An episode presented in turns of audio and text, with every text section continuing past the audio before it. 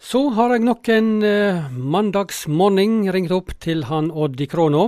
Kunstneren og forkynneren Odd Dubland. Han er med oss eh, hjemme ifra leiligheten sin, Kråna på Ålgård i Rogaland, Odd? Ja, god dag, god dag, Inge. Jeg ser det i denne kråna mi, jeg, vet du. Du vet at det er vel så vidt at folk på Østlandet veit hva et kråd er for noe, men hvis jeg hadde sagt som så jeg, jeg sitter her i kroken min, da hadde de kanskje forstått det. Ja, ikke sant. Det er ja. kroken og krona og forskjellige uttalelser ja, på akkurat det. Men du har det lunt og godt inne, og så vet jeg at du har hatt deg ei brødskive også i dag, og er klar for en ny dag? Ja, jeg begynner hver morgen med ei tjukk, god, hjemmebakte, grove skive og så har jeg et uh, lite glass med Biola og to skjeer med tran.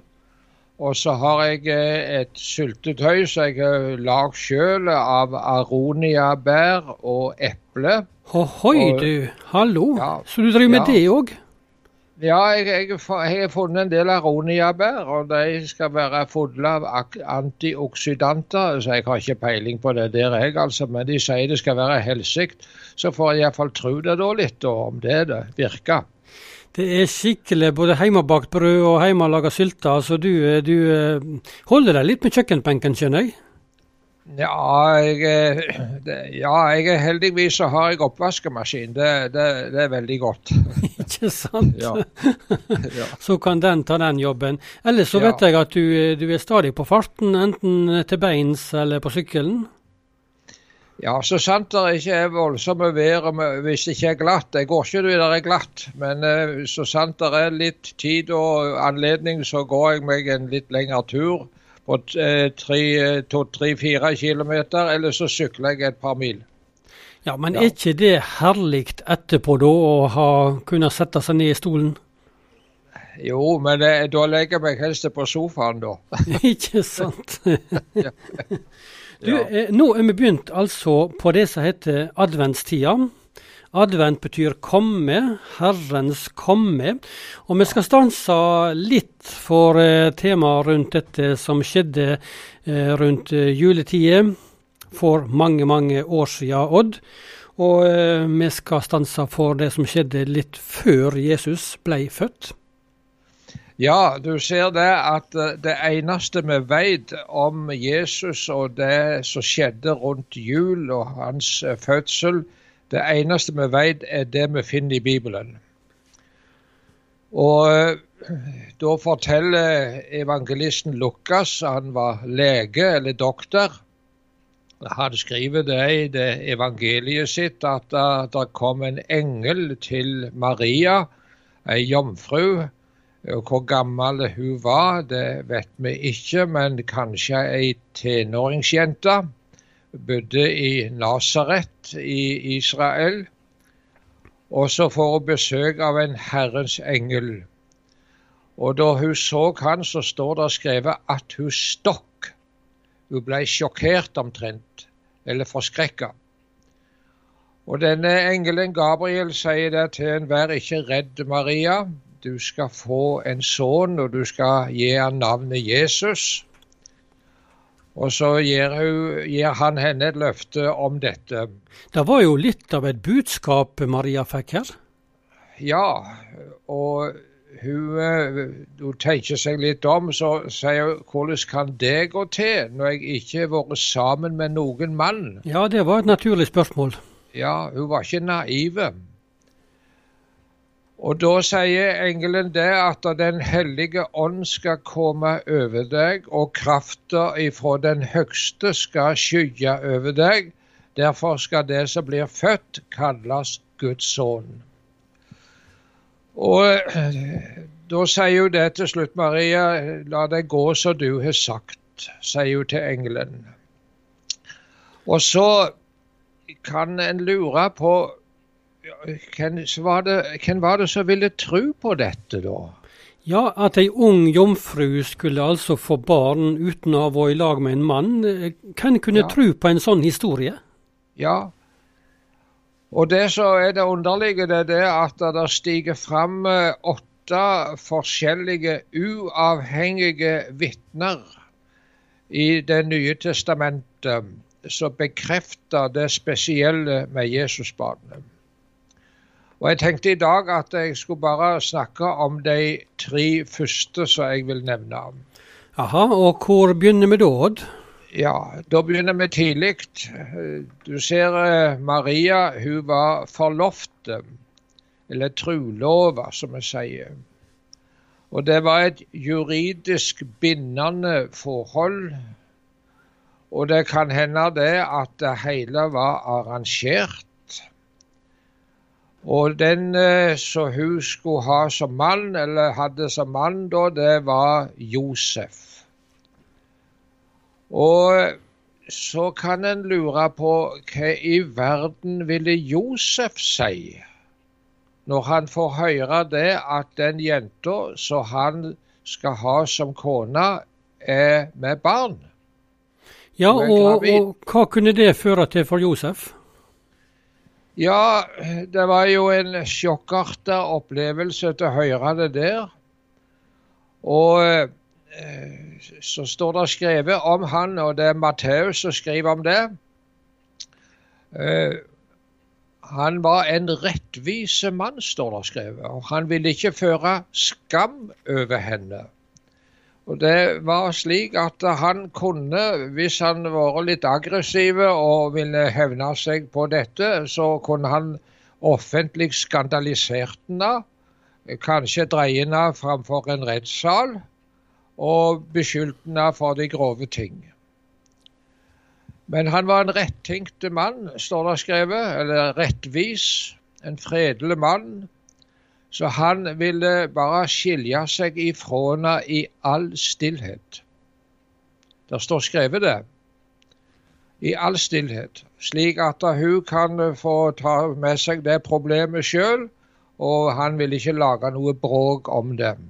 Men ifølge historien så var det ikke det som skjedde? Nei. Og da han hadde tenkt ut dette, så var det en engel fra Herren som kom og synte seg for Josef i en drøm. Og da uh, sier engelen Josef, Davids sønn. Altså han titulerer han faktisk talt.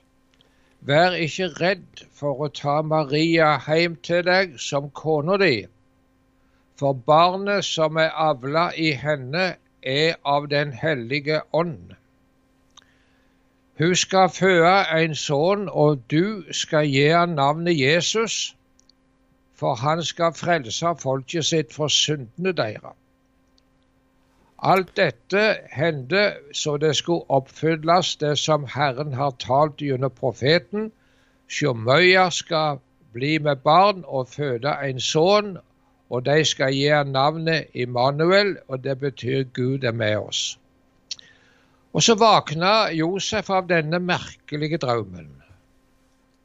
Uh, og denne drømmen den må ha vært så klinkende klar, så overbevisende, at denne Josef i dette følelsesmessige minefeltet tok Maria hjem til seg som kona si. Men så står det skrevet det at han levde ikke sammen med henne før hun hadde født sønnen sin, og, ga, han, og ga, han ga navnet Jesus. Så, altså, Jos synes, så Josef han festa tillit til det som engelen hadde fortalt, og det som uh, han fikk vite om det som skulle skje med Maria? Ja, og på den måte så er Josef et troverdig vitne om det spesielle med Jesusbarnet. Han eh, var kasta ut i et følelsesmessig minefelt, som jeg sa. Og allikevel så roer han seg ned. Aksepterer dette så det står i profeten, og tar Maria hjem til seg som kona si. Så skal vi se på noen andre vitner her, Odd. Ja, jeg har et par til som ja. jeg vil nevne. Eh, en, en slektning av Maria, annet? Ja, du ser det at når Maria hadde blitt med barn, så reiser hun av gårde til, opp i fjellene i Judea til å besøke ei, ei, en slektning som heter Elisabeth. Elisabeth var også med barn.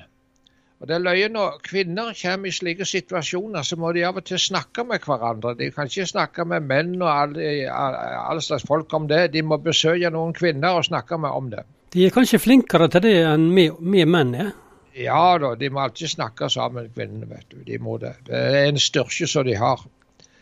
Men det som skjer, det er at uh, når Maria kommer hjem til Elisabeth, der hun bor, så står det skrevet at uh, Elisabeth sier det til Maria. Hvordan kan det ha seg at mor til Herren min kommer til meg? Altså, det barnet som Maria bærer under sitt hjerte, er Elisabeth sin herre, altså sin Gud. Og Guds sønn, altså. Så det sa hun? Ja, det sa Elisabeth. Og det var Det kommer han nær sagt rett. Hun var vel fulgt av Den hellige ånd. Og så sier hun dette. Hvordan kan det ha seg at mor til Herren min kommer til meg. Og På den måten så er Elisabeth et vitne om det spesielle med Jesusbarnet. Og det tredje vitnet som jeg vel vil nevne i dag, han var ikke født ennå. Han var i Elisabeth sin mage? Ja. Elisabeth hadde på forunderlig vis, eh, tross sin alder, blitt gravid på en naturlig måte, da. Og hun hadde jo bare et foster eh, som var seks måneder gammelt. Og når Maria kom inn døra der, så står det skrevet det at eh, fosteret hoppte av fryd. Altså, eller sparka i magen, står det i en annen oversettelse. Det står om Johannes eh, han, Det var han som ble Johannes døyperen, altså. Og det står om han at han skulle være fulgt av Den hellige ånd like ifra mors liv av. Og dette fosteret, det reagerte når Maria kom. Og det er liksom en hilsing ifra den ufødte verden. Tenk på det. Det er fælt å tenke på at i dag i vårt land så kunne slik et barn stått i fare for å blitt fjerna. Men han var fylt av Den hellige ånd ifra mors liv av. Og det sprang av fryd, står det skrevet, når Maria kom. Det var en hilsing ifra den ufødte verden. Disse tre vitnene som jeg nå har nevnt, bekrefte det spesielle med Jesusbarnet. Så hvis vi får anledning eh, neste mandag, Inge, så får vi se om vi kan finne tre vitner til som bekrefter det samme.